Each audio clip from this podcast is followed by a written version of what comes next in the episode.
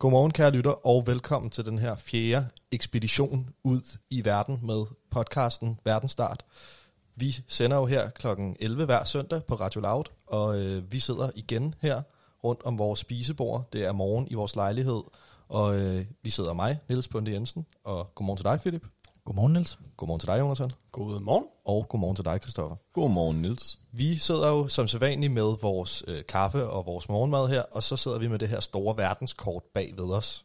Og øhm, som de andre gange skal vi jo kaste en dartpil helt tilfældigt, næsten i hvert fald, op på verdenskortet. Og det land, som dartpilen rammer, der har vi altså hele resten af dagen til at researche og finde ud af alt det, vi overhovedet kan om maden. Og finde ud af alt det, vi overhovedet kan om landet, både i forhold til mad og musik og kultur og historie og alt muligt andet godt. Så Philip, vil du Mhm. mm. ikke bare fatte dartpilen og fyre den afsted? Simpelthen? Det kan du tro. Mm. Jeg øh, samler dartpilen op nu her. Og øh, de tidligere gange, vi har kastet den, så har, så har vi stået op. Men nu prøver jeg simpelthen at, at sidde ned. Det er den siddende her. Det er et siddende skud her, så den tager jeg i, øh, i hånden nu her, og så bevæger jeg mig lidt væk fra mikrofonen. Ja, det er lidt farligt, så det er vigtigt med en sikkerhedsafstand også her. Ja, Er I, øh, er I klar? Ja. Jeg er klar, når du er klar. jeg dukker mig. Den kommer her. Og der rammer han. Jeg kan se, jeg har ramt noget land. Jonathan, kan du... Den indonesiske del af Borneo. Oj, Oh. ja, det er spændende. Vi skal til Asien. Vi skal til Asien, til Sydøstasien, Indonesien. Hvad ved du om Indonesien her, Philip, lige fra første hånd? Altså, jeg tænker jo straks på mad. Ja. uden jeg ved specielt meget om indonesisk mad, så tænker jeg lidt det der øh, sydøstasiatiske køkken med thai-mad og vietnamesisk mad, og, Og så også indonesisk mad. og så måske også noget indonesisk mad der. Men oh, det kan sgu godt være, at jeg, jeg er lidt gal Ja. på den. Jeg tror måske, det er meget rigtigt, at det. Ja. minder om, om hinanden. Ja. Jonathan, du har jo været i Indonesien simpelthen i længere tid. Så du Ja. ved, så du ved er. øh, Jeg alt har, har været på Borneo.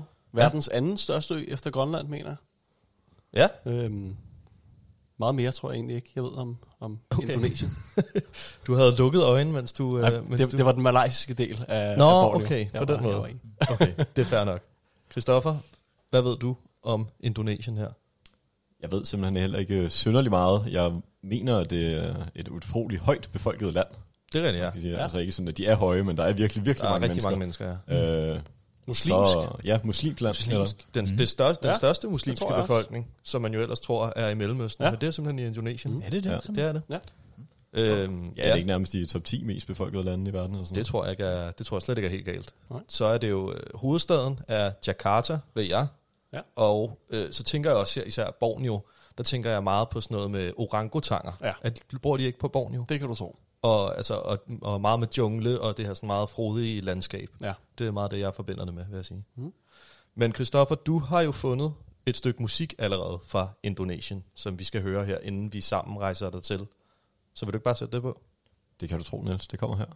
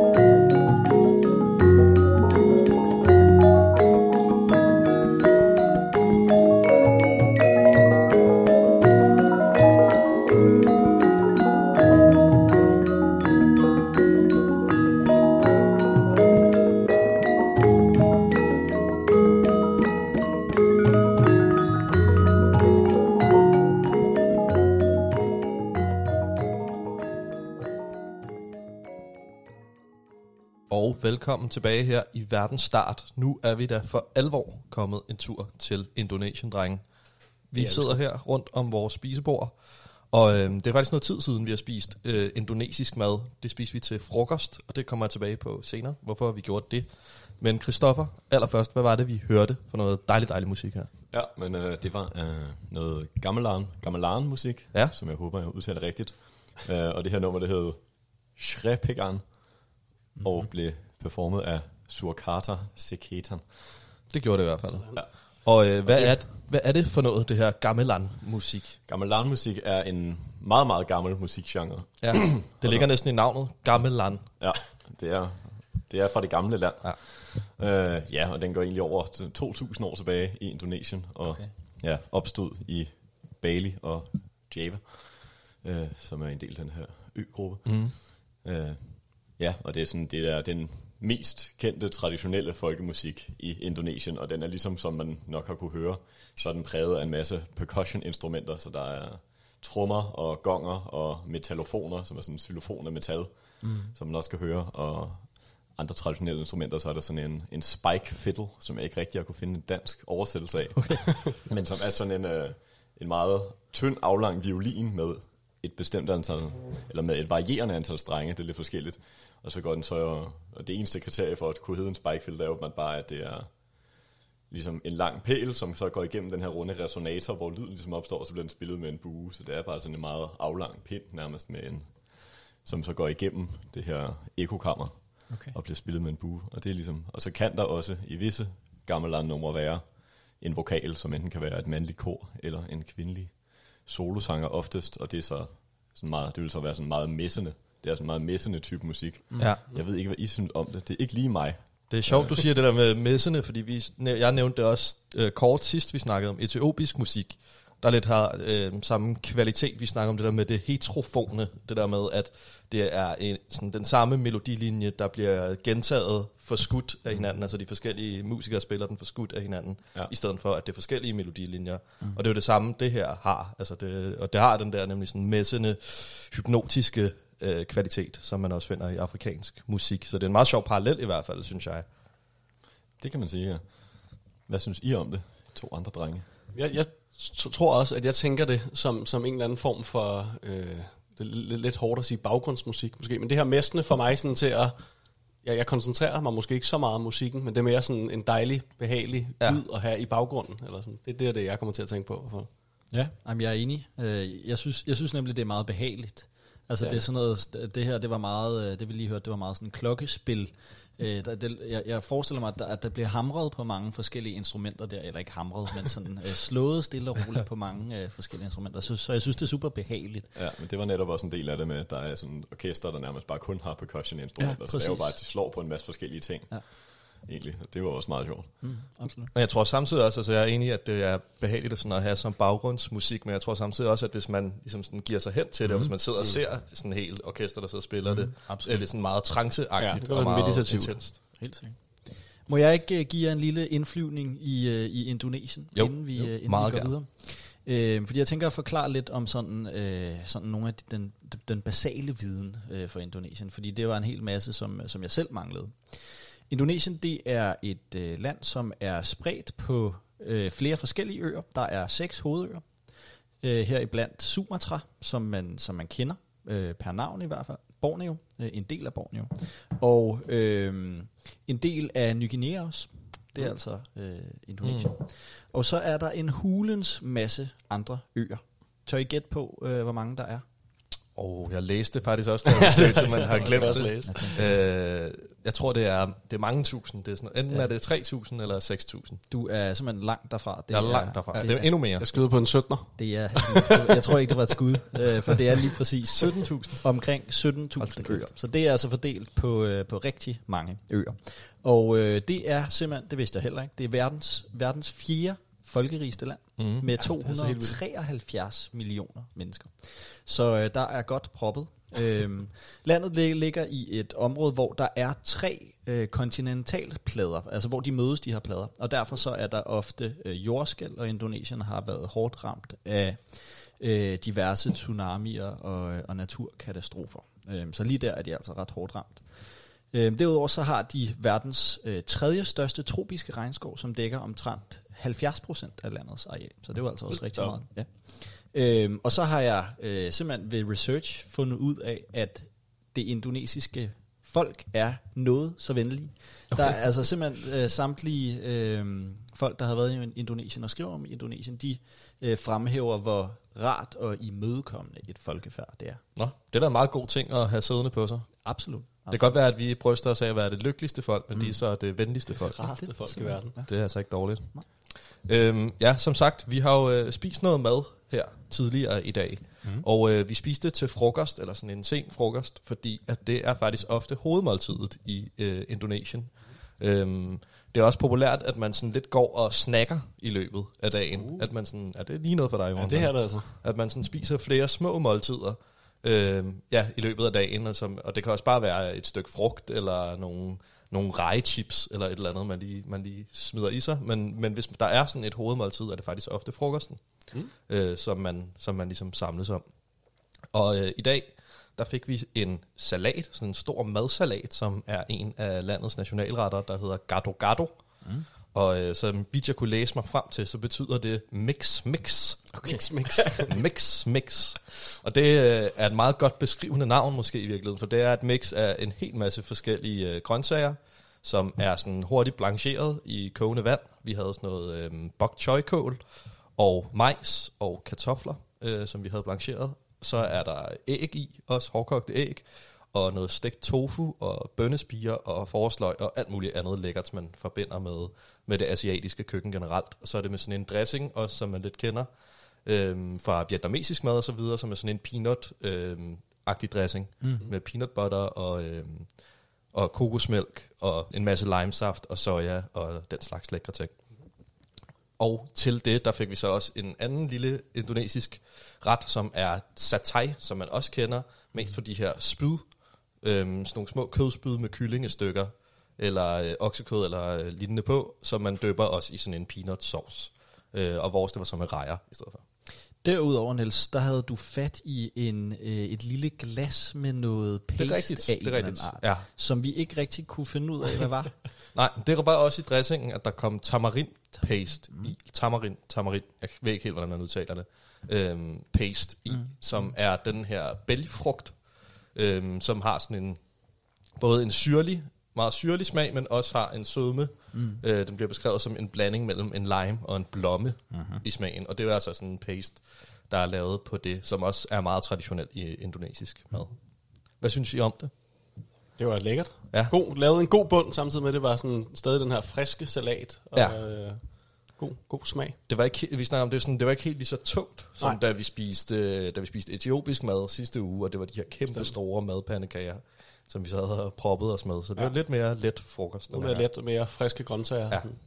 Altså, jeg, jeg synes også, det smagte skønt, men, men præsentationen er ikke så yndig, vel? Nej, altså, det er rigtigt. Øh, der, er, der er simpelthen så mange elementer i den ret. Altså, det er jo, det er jo en stor salat fyldt med alt, hvad man har. Ja. Og så lige æg, der bliver, der Ja. ja. bliver lagt ovenpå.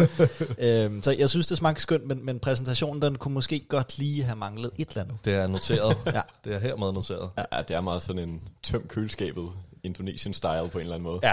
Uden det skal være en fornærmelse. Så det smagte godt, men jeg giver Philip lidt ret i den. Der Ja. var virkelig Ja, mange ting, man, du var i gang med at lave, og så røg det hele bare ned i en skål.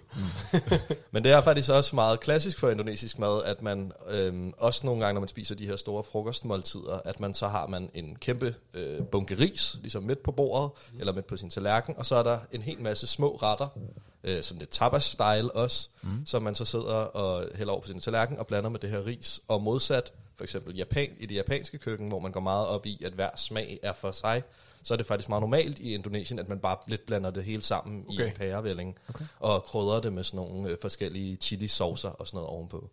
Øhm, så det er også lidt sådan, man spiser. Ja. Vi sad også og spiste i dag med en ske i den ene hånd og en gaffel i den anden, hvilket også er den traditionelle måde øh, at spise på i Indonesien, hvor man altså virkelig kan få skovlet, ja. Ja. skovlet noget i hovedet hurtigt. Skøn måde at spise på. Ja. Meget befriende.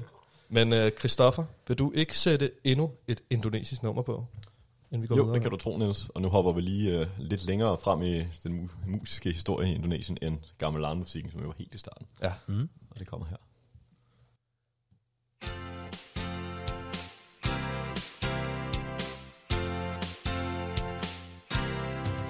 Bukan lautan, hanya kolam susu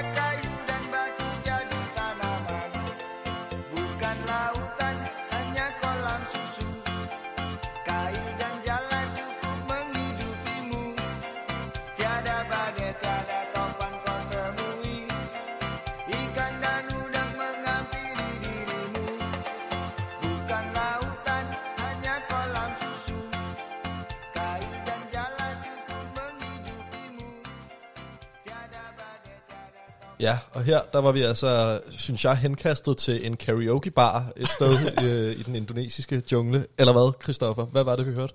Jamen, du kan næsten ikke være længere fra, faktisk. Okay. Eller det kan godt være, at den er blevet sunget meget på karaoke. Uh, det er nummeret uh, Kolam Susu af bandet Coast Plus, som jeg håber, jeg udtaler rigtigt. Ja. Uh, som så nærmest er det, Du kan nærmest ikke få det over læberne, så vildt er det. nærmest er det indonesiske Beatles. Altså. Okay. og det var så, altså det var den, det var så den indonesiske øh, Paul McCartney, vi hørte, eller var det John Lennon? Det var lidt svært at vurdere, synes det jeg, kan sige. vokalen, men godt lød det i hvert fald. øh, hvad, hvad, hvad laver de for noget musik? Uh, jamen, det var egentlig dem, der startede i, uh, i løbet af 60'erne med at bringe pop- og rockmusikken til Indonesien. Ja. Og det man også skal vide om, uh, altså nu var de måske ikke helt lige så fremme som The Beatles, håber jeg ikke at fornærme nogen, vil jeg sige, men det var ligesom, uh, men det var ligesom det band, der var med til at bringe den her genre til Indonesien, fordi at der har været ret meget undertrykkelse af su- subkulturer og rock- og popmusik og hip-hop, som jeg kan komme lidt ind på senere, øh, fra politisk side i Indonesien. Og det førte egentlig også til, at øh, de startede med at hedde øh, Kos Bersaudara, som betyder Kos brødrene. Ja. Fordi at det er en familie, der ligesom har det her band, og startede af to brødre. Og de blev anholdt i 1965, øh, alt på grund af, at de lavede bi- eller for at spille Beatles covers. Okay. Øh, i, ja, og det måtte man simpelthen ikke i Indonesien dengang. Så de blev anholdt, og blev så dog løsladt igen, øh, lige inden der var et øh, coup d'etat, hvor præsidenten så blev væltet. Men, øh, og så, ja, så fortsatte de, og havde stor succes i Indonesien, og blev i Rolling Stones Magazine, der havde- har lavet sådan en liste åbenbart over øh, 150 bedste indonesiske album nogensinde. Der var det her band, altså seks af dem. Hold da op. Så Ja. de er virkelig en uh, stor uh, ting Det er en stor i ting i Indonesien. Simpelthen. Ja. Og ja, var ligesom var startskuddet for pop-rock-bølgen. ja. Jonathan, du har lidt om øh, Indo- Indonesiens historiske baggrund, Ja. du vil fortælle. Oprindeligt var den her øgruppe, øhm, Nusantara hed den, øhm, op, op, oprindeligt for mange år siden. Bestod af Indonesien og Malaysia og Singapore og mange af de stater, der ligger der omkring. Mm. Øhm, der boede sådan forskellige folkeslag, der solgte luksusvarer til de kinesiske dynastier, såsom krydderier. Øhm, og generelt har øh, øgruppen været påvirket meget af en masse forskellige folkeslag og kulturer øh, igennem historien. Både hinduisme og buddhisme, kristendom, mm. islam, mm. Øhm, som vi kommer ind på senere. Mm. Det er jo et øh, verdens største øh, islamnation, kan Ja. man sige. Mm. Øhm, Indonesien har været en hollandsk koloni i mange år. Og efter 2. verdenskrig øhm, gjorde Indonesien sig uafhængig. Og det var Holland åbenbart ikke øh, så glad for. De var lidt øh, bekriget hinanden indtil 1949, hvor øh, Holland så accepterede øh, Indonesiens uafhængighed. Så det har været en republik siden da. Okay. Er det i dag et øh, demokrati med en præsident, Joko Widodo. Øhm, men hvis man går lidt længere tilbage i øh, midten af 60'erne, så var det en lidt mørkere del af Indonesiens historie. Øhm, der hed præsidenten Sakurno, som ligesom var en af Indonesiens founding fathers. Og han ledte landet i sådan høj, med høj grad af autoritarisme. Mm. Øhm, og havde samtidig kommunistpartiet PKI øhm, som modstander. De havde stor fremgang. Øhm, og efter et forsøg kup, det du nævnte der, tror jeg må, næsten det må have været, Kristoffer. Det må næsten være det samme. Øhm, så i 65, der ledte militæret en sådan antikommunist øh, purge nærmest øh, over landet, hvor man altså dræbte mellem 500.000 og 1 million øh, mennesker. Øh, så det var ligesom hele kommunistpartiet blev ja. tilindegjort. Okay. Det var alle, der havde med noget med kommunismen at gøre, blev, øh, blev slået ihjel. Det er ret vildt, fordi det er jo virkelig et, øh, sådan et omfattende og systematisk folkemord, som man, man ikke øh, har hørt særlig meget om i vores del af verden, øh, indtil der blev lavet en film øh, i 2014, i hvert fald i 10'erne, øh, der hedder The Act of Killing, mm. af den her boende instruktør Joshua Oppenheimer, som de fleste måske kender, en dokumentarfilm, hvor man følger nogle af de her bødler, der var med til at, at dræbe folk simpelthen i løbet af det her folkemord, øh, der ligesom gen... Øh, sådan reenacter de mor, de lavede på de steder, hvor morerne fandt sted, og har den her sådan helt sygelige øhm, forestilling om, hvordan det foregik, og at de var nogle helte, og at sådan, ja. De står og griner, mens de fortæller om, hvordan de her mor blev udført og sådan noget. Og så i løbet af filmen øh, indser de ligesom mere og mere, hvad det er, der er sket. Ja. Så det er ligesom sådan... Det er ligesom vi kender fra, øh, fra 2. verdenskrig, er det sådan et, et nationalt traume, som, mm. som folk ikke har, har dealet med endnu. Altså, hvilket er ret vildt. Ja, for søren. Hvordan ser det ud i dag så? Jamen i dag er det sådan forholdsvis velfungerende demokrati. Okay. øh, med, en, med en præsident. Super. Og, altså, hvor man vælger præsidenten. Ja. Han er valgt i 14, tror jeg, den sidste. Og et land i udvikling, så vidt jeg kunne forstå. Ja. Øhm, jeg læste, at øh, hovedstaden Jakarta er en by, som, øh, som virkelig er i udvikling for tiden. Øhm, det er en by, hvor der er sådan en klassisk mix øh, mellem de her kæmpe højhuse og øh, øh, moderne byliv, men også det her øh, mere sådan øh, alternativ, hvor man øh, fisker og sejler ud og prøver at fange til, øh, ja, til, til sig selv eller til familien. Øhm, byen, den er synkende. Okay. Øh, det viser sig, at, øh, at man udvinder så meget øh, grundvand øh, fra, ja, altså under byen, at den simpelthen begynder at synke. Så, øh, så man beskylder sådan kæmpe store malls og store virksomheder for at, at bruge så meget grundvand, at byen simpelthen langsomt synker, eller ikke engang særlig langsomt, fordi på 10 år så er den altså sunket øh, 2,5 meter. Øhm, og hvert år synker den 25 cm. Og den ligger jo simpelthen lige øh, ud til kysten. Øhm, så, så byen er virkelig i fare for, øh, for at synke og for langsomt sådan at blive mindre og mindre. Øhm, derudover så har man i byen hver søndag en bilfri dag. Det synes jeg er virkelig cool i sådan en her øh, kæmpe by, hvor der bor, jeg tror der bor 5, 6, 7 millioner. Øhm, der er hver søndag, så øh, inde i, i centrum, sådan ved hovedvejene, der, der kører man fuldstændig bilfrit, og så kan man cykle rundt, eller gå, eller løbe sig en tur, eller sådan. Det, det synes jeg, det, det er ret, det er Ja. ret imponeret over. Ja. Det kunne man godt øh, adapte her til, til Vesten, tænkte jeg. Det lyder lidt som oliekrisen tilbage i, hvad det været, 80'erne eller sådan Ja. noget, i Mm, Danmark. ja. Der var det også, var det ikke også bilfri søndag Jo, dengang? præcis. Og nu har vi så ja, en om året i Københavns Kommune. Det, Ja. Lidt uambitiøst, måske. En, en dårlig kombination med, at der også er tsunami og, og jordskæld og sådan noget, at, at, at det, man har en, øh, En hovedstad, der synker. Ja, lige præcis. Det, det er simpelthen fordi, at øh, et, at den er ud til kysten, to, at der, der løber syv store floder igennem, øh, tre, at det er bygget på sådan et svampet fundament, okay. øh, og fire, at, at der er det her med grundvandet, at man, at man udvinder for meget af det. Det er også verdens 14. største, største økonomi, synes jeg, jeg har læst. Okay. Der er jo også mange mennesker, så det giver mening, Ja, ja, at der også er en stor økonomi. Det var lidt om øh, Jakarta. Senere så øh, kommer jeg ind på, øh, hvordan der ser ud, hvis man øh, rejser væk fra byen. Vi skal snakke om, øh, om nogle lidt øh, makabre øh, begravelsesceremoni. Uha, Uhyggeligt. Men det lyder øh, hyggeligt. tænker, Men om vi ikke skal høre noget musik. det synes jeg lyder som en rigtig god idé. Christoffer, Vil du ikke sætte næste nummer på? Det kan du tro, jeg vil. Det kommer lige her. mulai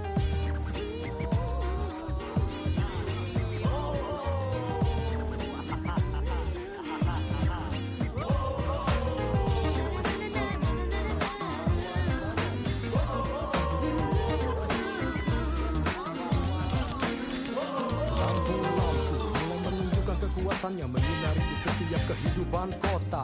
Dan warna-warna terlihat di jalan sana menerangi setiap sudut-sudut di kota. Orang-orang banyak yang berlalu lalang untuk mendapatkan atau mencari uang hiburan. Dan apa saja yang bisa kita lakukan untuk menikmati malam yang begitu menantang? Otak pusing janganlah kau rasakan badan pegal mari kita hilangkan karena malam ini terasa sangat indah. Membuat siapa saja tak akan bisa diam di rumah. Nonton TV atau nonton apa saja. Sama teman atau sama eh eh nya kita peduli dan memikirkannya. Lebih baik ku juga menikmatinya karena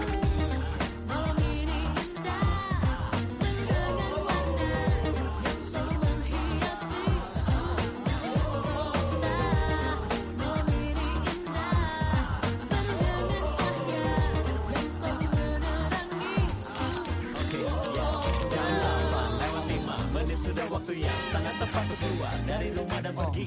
Mengikuti kaki ini melangkah. Melangkah terus entah ke mana. Jajak jalan demi jalan untuk merasakan hangatnya hingga ku terduduk Hah, karena semua orang sedang bergembira dan ku tak tahan cuma melihat saja. Satu mereka bertemu lalu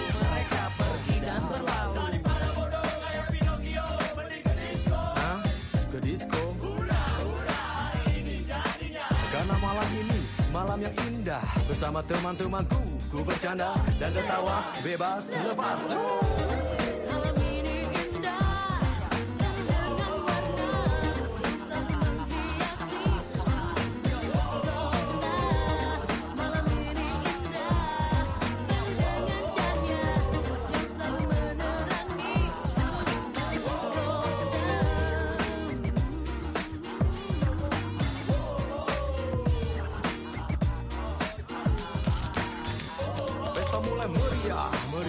mana-mana karena semua orang sedang bergembira merayakan apa pun untuk mengisi malam indah ini. Musik-musik mulai berisik, mengusik-usik, mengajak kita untuk segera bergoyang. Asik, asik, asik.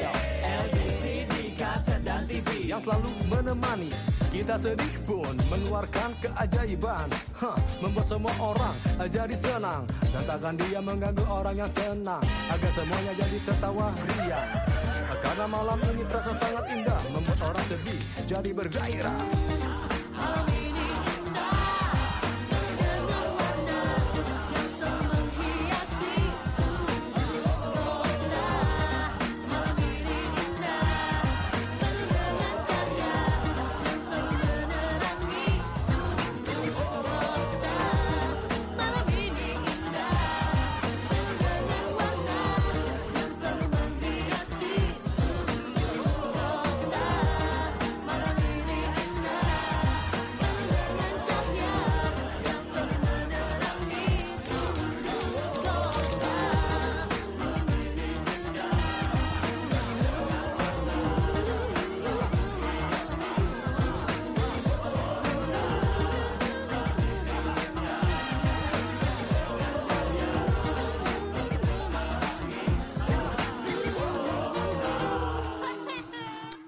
er tilbage her i verdensstart på Radio Loud, hvor turen i dag, den er gået til Indonesien og Christoffer. Hvad var det for noget dejlig, dejlig musik, vi hørte her? Jamen, det var nummeret Malam Inda af rapperen Iva K. I-W-A, og så bare et K. Ja. Og øh, Iva K, han er den første rapper i Indonesien, der nogensinde udgav et rap-album, Okay. som man gjorde i 1994. Simpelthen. Så han er ligesom, og det har lidt ligesom jeg nævnte med rock og pop og subkultur tidligere, så har hiphop nemlig også været underlagt sådan rimelig mm. politisk censur og modstand, og der har blandt andet været præsident, som har været modstander af, at der skulle afholdes en hiphop festival tilbage i 90'erne og sådan noget. Mm. Så det har også været en genre, der ligesom har været associeret med sådan et, et lidt folkeligt oprør, Ja. der gerne for at ytre de her subkulturer og de lidt mere kreative, kreative miljøer. Uh, ja, men uh, ja, Iva K. startede så i 90'erne og udgav det her album i 94. Ja, og hiphoppen i Indonesien er generelt kendetegnet ved, at den er selvom det er sådan en oprørsgenre, så er den stadig kendetegnet ved i forhold til amerikansk og engelsk hiphop, at den er meget, øh, traditionelt set i hvert fald, har været meget blødere øh, sprogmæssigt. Øh, der bliver simpelthen ikke, der bliver ikke talt lige så meget om vold og sex og stoffer, øh, traditionelt set, som der har været gjort i altså amerikansk hiphop, lige fra det startede nærmest med NWA og lidt senere hen i 90'erne med de lidt større Biggie og sådan noget. Der kan man sige, der har det ligesom været på tapetet nærmest med det samme, fra da det sprang ud for at være sådan lidt discoagtigt, og så tog det en direkte vending over til i løbet af 80'erne til at handle meget om stoffer og gadeliv og vold og sex, og der har, der har Indonesien været lidt, jeg ved ikke, om man kan sige langsommere, men jo langsommere i at udvikle sig. Men det var også måske, fordi at det, altså i USA, der var det jo ligesom, har det jo været knyttet til et bestemt miljø, som har været kriminelt, og som har været, altså hvor de der ting har været en naturlig del af det liv, ikke? Og jeg ved ikke, om, om det så har været det, om det har været det samme i Indonesien, eller om det bare er blevet optaget som en Ja. genre, det ligesom det er i Danmark, eller jeg tror også var i Danmark. da Jeg tror også mere, det har handlet om den her kreative udfoldelse, end det har handlet om at repræsentere det her miljø. Ja, præcis. Så er der så kommet en, en faktisk en af de, altså den jeg kunne finde med flest Spotify-afspilninger fra Indonesien, det er så en rapper, der hedder, øh, skal lige huske, hvad han hedder, uh, Rich Brian. Rich Brian. Rich Brian. Okay, ja, så der er lidt med penge der. Og Der er lidt med penge. lidt Jamen, han er simpelthen øh, en meget ung SoundCloud-rapper. Han er 20 år nu, og han okay. kom så frem fra, altså fire år siden i 2016, der lavede han øh, sine debutsingle, That Stick, Sådan. ja, okay. hvor han ligesom også rapper på engelsk, og rapper væsentligt hårdere, og rapper om stoffer og sådan noget. Og han er også, han er også lidt sådan et internet-meme. Han okay. Soundvenue kaldte ham som eksemplet på, at alle i 2019 kunne være rapper. Ja, Okay. Øh, det var så i forbindelse med en artikel om, fordi han har nemlig spillet i København. ja, okay. Nok grineren. Simpelthen. Øh, så han er måske, og han har flere, flere sange på Spotify, der har været spillet over 100 millioner gange. Ja, Okay. Og er egentlig blevet rimelig stor, og har også lavet musik med den anden kendte SoundCloud-rapper XXX Tentation, Ja. som jeg ikke ved, om I kender, men Jo, jo. som gjorde selvmord her sidste år, mm. og også havde rimelig plettet ry. Men øh, så Rich Brian er måske også et eksempel på, at der er begyndt at komme sådan en lidt hårdere trend i indonesisk rapmusik. Ja, og det igen, at det er også, ligesom vi snakkede om med Brasilien, er det meget sjovt der her nogle gange med, at der rundt om i verden er de her, altså at han, har, at han er så kæmpestor en stjerne i kraft af, at der, altså, at der bor så mange ja. mennesker, og det bare sådan er en helt, mm. en helt anden verden, som vi ikke altid har adgang til. Men det, det er fedt at høre om. Jeg tror lige, Rich Brian, faktisk, han, er faktisk, han er ved at komme lidt ud af... Ja, eller han er, ja han er så af et eksempel på en, der kommer ud af, ja, ja. af det også. Ikke? Hvis man tager i forhold til de der Coast Plus tidligere Indonesiens Beatles, så er der jo nok ikke mange, der har hørt om dem uden for Indonesien. Nej, nej, præcis, men de kan jo stadig godt i deres eget hjemland være nogle, altså, ja. Kæmpe nogle stjerner. store stjerner, og hvor der er lige så mange mennesker, der kender til dem, som der er i, altså i, mm. er med store bands i hele Europa, fordi der bare bor så mange mennesker. Ikke? Det er bare noget, man ikke, man ikke altid tænker over, synes jeg. Det er rigtigt. Ja, nu teasede jeg jo tidligere i programmet, at vi skulle tale lidt om religion. Ja. Og om hvordan Indonesien med 220 millioner muslimer, altså er øh, verdens største muslimske nation. Øhm, for når man ser på verdenskortet, og ved, at islam ligesom havde sin begyndelse i Mellemøsten, og spredte sig til dele af Nordafrika og ja, Sydvestasien, mm. så kan det virke lidt mærkeligt, at en øgruppe mange tusind kilometer sejlads væk øhm, er muslimsk. Og man regner med, at islam på første gang kom til Indonesien omkring det 12. århundrede. Og når jeg tænker på, hvordan religion spreder sig, så kommer jeg til at tænke på sådan de kristne korstog, som jo er sådan kristne forsøg på at generobre Jerusalem og i høj grad bekrige islam. Mm. Men i Indonesien gik det altså noget mere øh, stille og roligt og fredeligt til, end i øh, Mellemøsten og Afrika. For her rejste sådan muslimske missionærer til store dele af Asien, blandt andet Indonesien, i rollen øh, som handelsmænd. Og de handlede med meget sådan de højt stillede på blandt andet Sumatra øh, til at starte med, og begyndte at gifte sig ind i de rige og magtfulde familier rundt omkring. Og på den måde, så da dem med magt konverterede til islam i samfundet, så kom øh, fuldt befolkningen ligesom med. Det kunne simpelthen betale sig for befolkningen at konvertere til islam, for sådan at få flere fordele i samfundet, da de adelige og magtfulde også var, øh, var muslims, muslimer. Øhm, og man gjorde også det, at man inkorporerede mange af de kulturelle elementer, der i forvejen var, øhm, og de traditioner i de muslimske regler, som man følger der nu. Så det blev en, en form for lettere overgang. Øhm, men det er ikke alle steder, hvor at, øh, de er muslimer. Jeg kan huske, jeg var på Bali for en fem år siden, mm. øhm, og der, der, der, så jeg, der så jeg ikke lige sådan islam for mig. Øh, det var meget med, at der lå sådan offergaver på fortovene i form af sådan sjove blade og blomster og frugter og sådan noget. Mm. Øh, og Bali er åbenbart øh, hinduistisk. Der er 83 procent øh, hinduister Okay. på Bali. Ja. Øhm, og hinduismen, den kom til Indonesien for langt længere tid siden, tilbage i det første århundrede. Øh, men er altså blevet overhældet indenom af, af islam. Øhm, og det er noget, vi har strugglet lidt med et par gange, synes jeg. Det her med, at nogle af de lande, vi har ramt, er så store. Ja. Så, kulturen og religionen kan simpelthen være så forskellig fra Ja, ja, den ene del af landet til, til den anden. Det synes jeg er meget sjovt. Ja. At, øh, at det er så også er tilfældet her. Det giver også mening, når det er en så stor øgruppe. Ja, ja, ja, og det er jo, igen er det jo også lidt, det er jo lidt vanvittigt, at vi i løbet af en time her prøver at, at, ja. at dække hele Indonesien og hele deres kulturliv, men øh, ja, det er jo bare lidt en, en indflyvning i. Ja. i de ting, man måske ikke vidste i forvejen. Og Philip, noget man heller ikke kender til herhjemme, mm. eller jeg gør i hvert fald ikke, det er de her begravelsesritualer, ja. Som du teasede for tidligere i programmet. Kan ja. Du fortælle lidt, også lidt mere om det? Det kan du tro. Jeg starter lige med at præcisere fra før, fordi øh, der kom jeg simpelthen til at sige, at der bor 5, 6, 7 millioner mennesker i Jakarta, altså hovedstaden. Ja.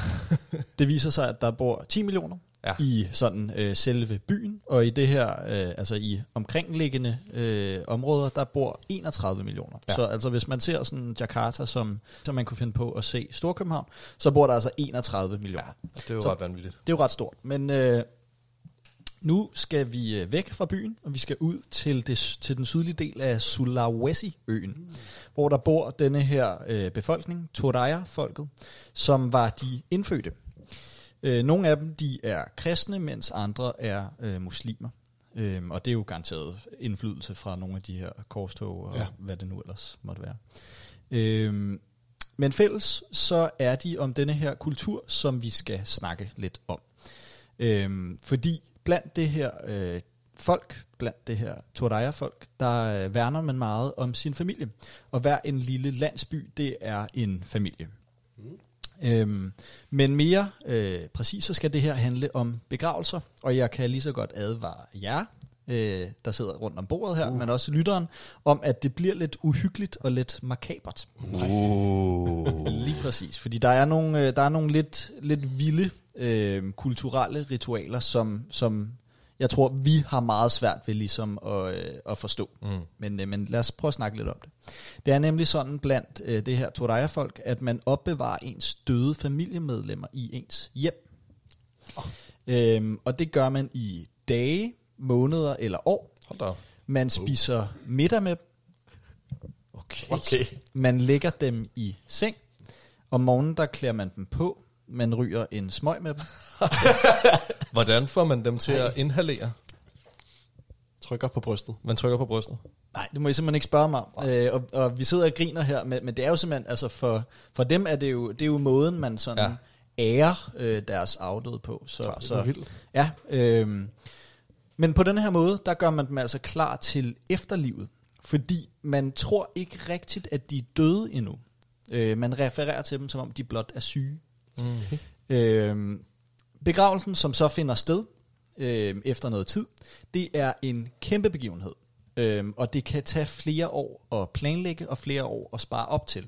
Og indtil man holder den her begravelse, der opbevarer man altså de døde i ens hjem. De ligger i, i ens seng, eller sidder ved spisebordet, eller lignende. Men hvad gør man sådan med, altså med forrådnelse Ja, man Altså kø- køler man dem af, eller renser dem, eller er der et eller andet der? Jeg ved, at man, man gør rigtig meget ud af at holde dem rene. Altså Ja. man, man, man vasker dem og børster dem og sådan. Jeg ved ikke, om man, øh, om man smører dem ind i et eller andet, så de ikke gør Ja. forrådnelse. Det, det ved jeg ikke præcis. Fordi jeg hvordan. tænker, altså der kan jo virkelig sprede sig ja. Ja. sygdom i Ja. et hjem, hvis der ligger et lig i øh, flere Ja. år, simpelthen. Absolut. Øhm, præcis hvordan man gør, det ved jeg ikke. Men, Nej. men jeg ved i hvert fald, at man gør meget ud af at gøre dem rene. Ja. Øhm, og de her øh, begravelser, de kan koste øh, et, et billigt tilfælde, det kan koste 50.000 dollars, altså 330.000 kroner. Øh, og det er altså de billige, de dyre, de kan være, de kan være langt dyre, de kan, de kan koste flere millioner. Øhm, selve begravelsen, det hedder en rambusolo, og det kan tage alt fra et par dage til øh, flere uger, afhængig af den afdødes status. Øhm, og begravelsen, den indeholder dans og sang og øh, sådan, ma- man beder og, øh, og nogle offringer. Man offrer øh, bøf, øh, bøfler. Øhm, og så kan det også være hanekampe. Så det er sådan en kæmpe oh, festivitas. Øh, men især den her bøffel, præ- mere præcist vandbøffelen, den er central. Øh, fordi det siges, at vandbøffelen den transporterer den døde person til efterlivet. Så derfor gør man rigtig meget ud af at få fat i den helt rigtige vandbøffel. Blandt andet så går øh, albino vandbøfler i meget, meget høj kurs. Altså de, de, kost, de kan koste millioner. Øhm, og det siges også, at jo mere bøffel man, øh, man offrer, jo bedre. Øhm, jo mere man offrer, jo mere ærer man den afdøde. Så den rige øh, familie kan eksempelvis finde på at ofre op til 100 bøfler. Og det er jo altså, en bøffel jo den her kæmpe Ja, det er store... mad, mad til mange. Det er sjovt, at det er vandbøfler, fordi det kan også lidt hænge sammen med, med maden faktisk. De har sådan en helt særlig status i Indonesien generelt, fordi at det er ligesom dem, der har gjort det muligt at dyrke ris. Okay. Og ris er jo sådan den fuldstændig es- essentielle øh, madvare i Indonesien, som det er i meget af mm. Asien. Og det er jo og det er ligesom, da man, da man lærte at tæmte, tæmme dem, mm. og lærte at kunne, altså kunne spænde Ja. ting bag på dem mm. og gøre, sådan, så man kunne dyrke rismarkerne. Det var, ligesom, det var sådan en kæmpe nybrud i, i, ja, i risdyrkelsen og, og bygningen af hele Indonesiens infrastruktur, så de har sådan en helt særlig status i landet. Ja, det, og det har det nemlig også ved denne her begravelse. Der, der er det, det er meget centreret om den afdøde selvfølgelig, men også om de her bøfler. Ja. Øhm, måden man offrer de her bøfler øh, på, det er, at man øh, får dem til sådan på, på brutale måder at kæmpe mod hinanden. Altså sådan noget, hvor de banker hornene imod hinanden, indtil en af bøflerne er trætte. Øhm, og så, så slagter man dem på en, på en ordentlig, på en human måde. Man, man, ja. øhm, og så, så spiser man dem, så inviterer man hele øh, landsbyen og omkringliggende landsbyer til, til kæmpe store gilder. Okay, så de bliver spist. De bliver Det er spist, altid ja. noget, de ikke bare bliver brændt, mm, ja. eller hvad ved jeg. Øhm, og når det så er gjort, jamen, så kan man begynde at be- begrave den afdøde. Og det, er, det foregår, som I kender det, i en kiste, øhm, hvor man lægger den her. Og det, det, det er jo så en person, som, som er død, og som har været i huset eller i hjemmet måske i et år. Øhm, og øh, så lægger man vedkommende ned i en kiste og giver personen briller på, eller solbriller. øhm, og det, det, det fineste øh, pus, altså, øh, altså et jakkesæt, og, og ligger nogle gaver ved siden af. Øhm, der, jeg så billeder, hvor der lå en telefon og en halskæde og sådan. Ja, Øhm, og så bliver vedkommende øh, begravet, og, øh, og nogle måneder efter, så er det altså normalt, at man, at man sådan øh, får denne her kiste op, og lige øh, tjekker sig til sin døde, øh, så, så man sådan lige øh, får, får livet op, og om han stadig er, har det godt. Ja, og sådan. eller hun for den sags Ja. skyld. Øhm, og, øh, og tager selfies for eksempel. Øh, altså simpelthen, Ja. og, og en, en krop, der har, der har været død i, i år, i årvis, den, den, er, den er sådan helt stiv, så, så man, altså, man tager simpelthen den døde op, som var det en dukke, og, og stiller ved siden af sig, øh, og, og tager måske, øh, sætter måske solbriller på, og, og sætter en smøg i munden. øh, og så, så hænger man lidt ud med sin, ud. øh, sin afdøde far, eller hvad det nu måtte være. Det er jo også Øh, smart, hvis der allerede ligger en telefon og sådan en selfie-stang nærmest i kisten Ja. som gaver, så kan man bare Ja. bruge det til, Ja, at, til ligesom at tage billedet med. Øh, og så, så får man taget nogle billeder, og måske lige sådan pusset livet lidt af, så det, så det er pænt og repræsentabelt. Og så lægger man øh, vedkommende ned i kisten igen, og, og begraver øh, personen igen. Okay. Øhm, Altså, hvor længe fortsætter man? Altså, er det også efter, at det nærmest kun er et skelet, der er tilbage, at man, eller hvor længe fortsætter det her med, at man besøg, genbesøger personen? jeg tror, det kommer meget an på, hvor meget overskud familien har. Øh, altså hvis man, øh, hvis man har mange penge og meget tid, så, så, så tror jeg, at det kan, det kan tage nogle år, at man sådan besøger den afdøde. Ja. Øh, hvis ikke man har så mange penge, så, så foregår det, øh, så prøver man at begrave vedkommende så hurtigt som muligt, og, og besøger måske ikke vedkommende så meget, for det, det, det er også dyrt og tager tid at, at skulle have gravet personen Ja, ja, og så videre. Øh, ja, så jeg, jeg faldt over det her, øh, det her Toraya-folk og, og denne her ceremoni, som jeg synes er mega spændende, og som vi har virkelig svært ved at forstå, og som, som forsvarsmekanisme, så, så fniser man over, over det her, men, men i Indonesien for det her folk, der er det jo simpelthen bare måden, man ja. ærer deres, øh, deres støde på, og, og der er også noget smukt ved, at man, ved at man bliver ved sin afdøde, ikke? og ikke bare sender dem i jorden med det samme. Ja, ja, så.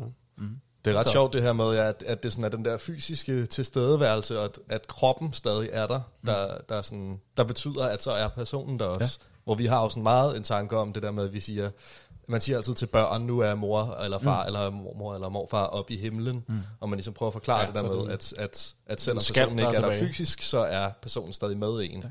Men det er jo en helt anden måde at se det på. Ja. Men det er så en, en, en lille del af, øh, af Indonesien, af Det er ikke hele Fuldstændig. Der, ja, der, folk der, er en, der er en million cirka af de her øh, Todaya-folk, så det er jo, Okay. det er jo en lille brøkdel Ja. ud af... Ud Mange stadig. Så. Af, ja, ja. Hvad var det, der afgjorde, hvor længe de havde dem i, øh, i hjemmet, efter de var døde? Altså det, det, der afgør det, det er, hvor mange, øh, hvor mange penge man har, fordi øh, det kan jo koste, som jeg sagde, det kan koste ufattelig mange penge at begrave vedkommende, så, så nogle familier bliver nødt til at spare op. Jeg tror også bare, at, at nogle familier er interesseret i at have deres afdøde øh, i hjemmet i lang tid, fordi det er jo den måde, man, man kan sige farvel til sin bedstefar på, eller hvad det nu måtte være. Ikke? Altså. Det er virkelig spændende. Ja. Christoffer, inden vi øh, hopper videre her i verdensstart, skal vi så ikke høre et sidste musiknummer fra Indonesien. Det kan du tro, vi skal, Niels, og det kommer her.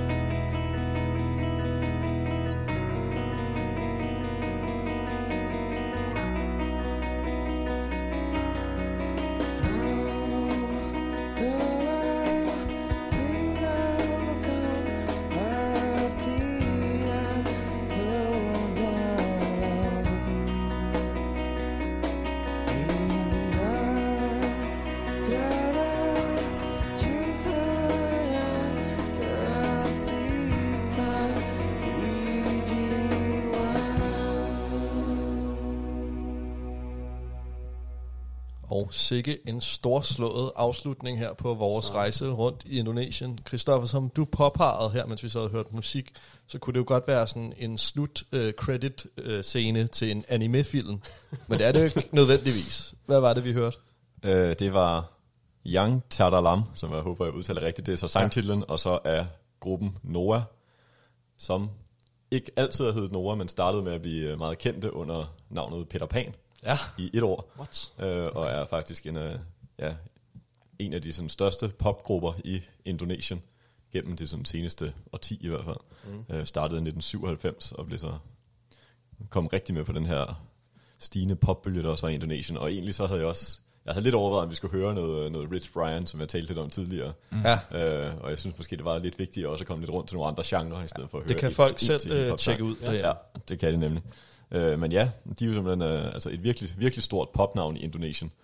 Øh, og har haft nogle koncerter, der har været så voldsomme, at øh, for folk gik så meget amok, at der simpelthen var 30, der besvimede, blandt andet til en af deres koncerter. Hold da Og. Det er jo helt Beatles-agtigt. Ja. Ja, det, Ja, er, det, er- er, det er Beatlemania. Der er vi lidt hen med Beatlemania og havde deres første, øh, hvad siger man, verdensturné i, øh, i 2015. De var ikke hele verden rundt, de holdt sig primært til sådan Oceanien, Oceanien og, øh, og Asien.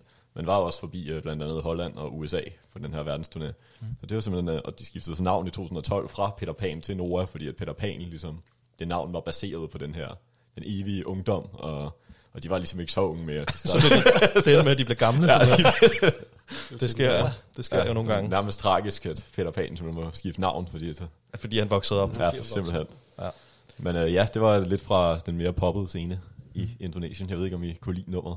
Øh, det var sådan meget øh, storslået Ja. ja. i hvert fald, og, øh, og sentimentalt, men det lød da, det lød da meget godt. Rart at høre. Ja. Og så vil jeg simpelthen også lige slå et slag for øh, den her ø Bali, som er altså den ene, eneste, øh, øh, ikke den eneste, men det er hinduistisk øh, befolkning. Øhm, fantastisk smuk ø. Hvis man besøger den og lærer nogle af de lokale at kende, så øh, kan man godt blive lidt forvirret. For der er et lidt mærkeligt navnesystem øh, på Bali. Fordi ja. alle hedder nemlig næsten det samme. Man har ikke ligesom øh, mange andre dele af verden familienavne. Så der er ikke sådan en slægtsnavn, Hansen, Jensen, Knudsen. Øhm, men man bliver navngivet i forhold til rækkefølgen, man bliver født i. Okay. Og så er der nogle forskellige navne. Så det første barn hedder typisk Wayan. Det andet barn, Mate. Det tredje, Newman. Og det fjerde, Kitsut. Og så begynder man altså forfra, hvis man får et barn nummer 5. Wow. Så bliver det barn så også kaldt Wayan. Ja. Eller måske kommer der, kan, kan det hedde Wayan Balik. Okay. Som direkte, som direkte oversat altså betyder endnu en Wayan. Nå, okay. Så det er bare Wire 2? Ja, nærmest. pretty much. Og det er altså det samme for, altså det er det samme for både, både mænd og kvinder. Ja. Nå, Øhm, og der kan også komme et tilnavn på øh, Wayan, og så et eller andet, som kunne betyde stille Wayan, eller flotte Wayan, eller... Okay. okay, så man beskriver simpelthen, hvordan øh, personen er. Ja, og så er der så nogle forskellige, så det første navn, eller det første barn, man får, der er så tre forskellige, man kan vælge imellem. Og sådan er det med, med, de, Okay. med de fire navne, og så begynder man altså forfra. Det er meget sjovt, det minder mig igen lidt om maden også, som jeg jo har researchet på. Og der, er- jeg sagde jo det her med, at, øh, at gado gado, som vi fik, betyder mix mix. Og ja. generelt så alle, eller de fleste sådan, traditionelle madretter, hedder også bare det, de er. Ja. Så øh, sådan nasi goreng, man måske kender, som er sådan, også en indonesisk øh, nationalret, som er stegte ris. Det betyder bare stegte ris. Eller sådan, det er bare, alt er ligesom bare beskrevet, som det, Ja. ja. som det, det er. Det er let at for, for, forholde Det sig lyder, til. det lyder meget simpelt. I forhold til en dansk abehjerne. Det kan være... Det er der ikke nogen, der ved, hvad er. Det er der stadig ikke nogen, der ved, hvad er. Men øhm, drenge, det har været en fornøjelse Mhm. at tage rundt i Indonesien øh, på nogle af de få ud af 17.000 øer Ja. Øh, sammen med jer. Hvad synes I, I har lært i løbet af, af programmet og i løbet af dagen her? Som I ikke vidste i forvejen om Indonesien. Altså, der er jo masser at tage fat i. Nærmest det hele. Altså, jeg vidste stort set ikke noget om Indonesien, før jeg startede med at tilstå. Jeg har heller aldrig været så heldig at få besøgt landet. Så, altså, Nej. alt, fra madkultur til, at det har været en hollandsk koloni, til det kommunistiske, hvad siger man? Ja, massemord nærmest. Altså, ja. Det hele var egentlig meget nyt for mig. Også musikken, den havde jeg heller aldrig hørt før. Nej. Jeg synes lidt det her med, med kulturen, at det er... At jeg kan stadig ikke helt forstå, at det er muslimsk, men ikke muslimsk, sådan som, vi, som man kender det, hvis man har besøgt et muslimsk land øh, tættere på Europa, men at der stadig er så stor del af deres en, en anden kultur også, og gammel ja. kultur, hvor der er påvirkning er fra hinduisme og buddhisme. Det synes jeg er ret vildt. Jeg tror Ja. nærmest, at begravelsesceremonien Philip bragte op, det var måske det vildeste, jeg har lært i dag. Ja, det må være den, øh, den største overraskelse i hvert fald. Hvad Ja. siger du, Philip? Var det også det for dig? Altså, jeg blev jo lidt blown away over det. Øhm, især der så billeder, Ja. som både er skræmmende, men også ja, smukke på en eller anden måde, eller interessante i hvert fald. Ja, og også lidt komiske. Altså det her med, at man står med sit familiemedlem, ja. altså som er et skelet, Ja. Hvor der så lige er en smøg, der hænger sådan lidt kæk i siden af munden, og altså. et par store aviator solbriller. Ja. Jeg får sådan lidt vibes fra den der film, der hedder Weekend at Bernie's. Ja, har det er den. meget den. Hvor der ligesom er to drenge, der skal i sommerhu- en eller anden vild sommerhustur, og så dør ejeren, og så fester de bare med ham for at Ja. få lov til at være der stadigvæk. Ja. Ja, men ellers så, så har jeg også bare lært en hel masse om Indonesien, som jeg ærligt talt ikke vidste specielt meget. Så ja. Det har været en fornøjelse i hvert fald, og øhm, vi lyttes ved på næste søndag kl. 11 her på Radio Loud til endnu en omgang verdensstart. Tak for i dag.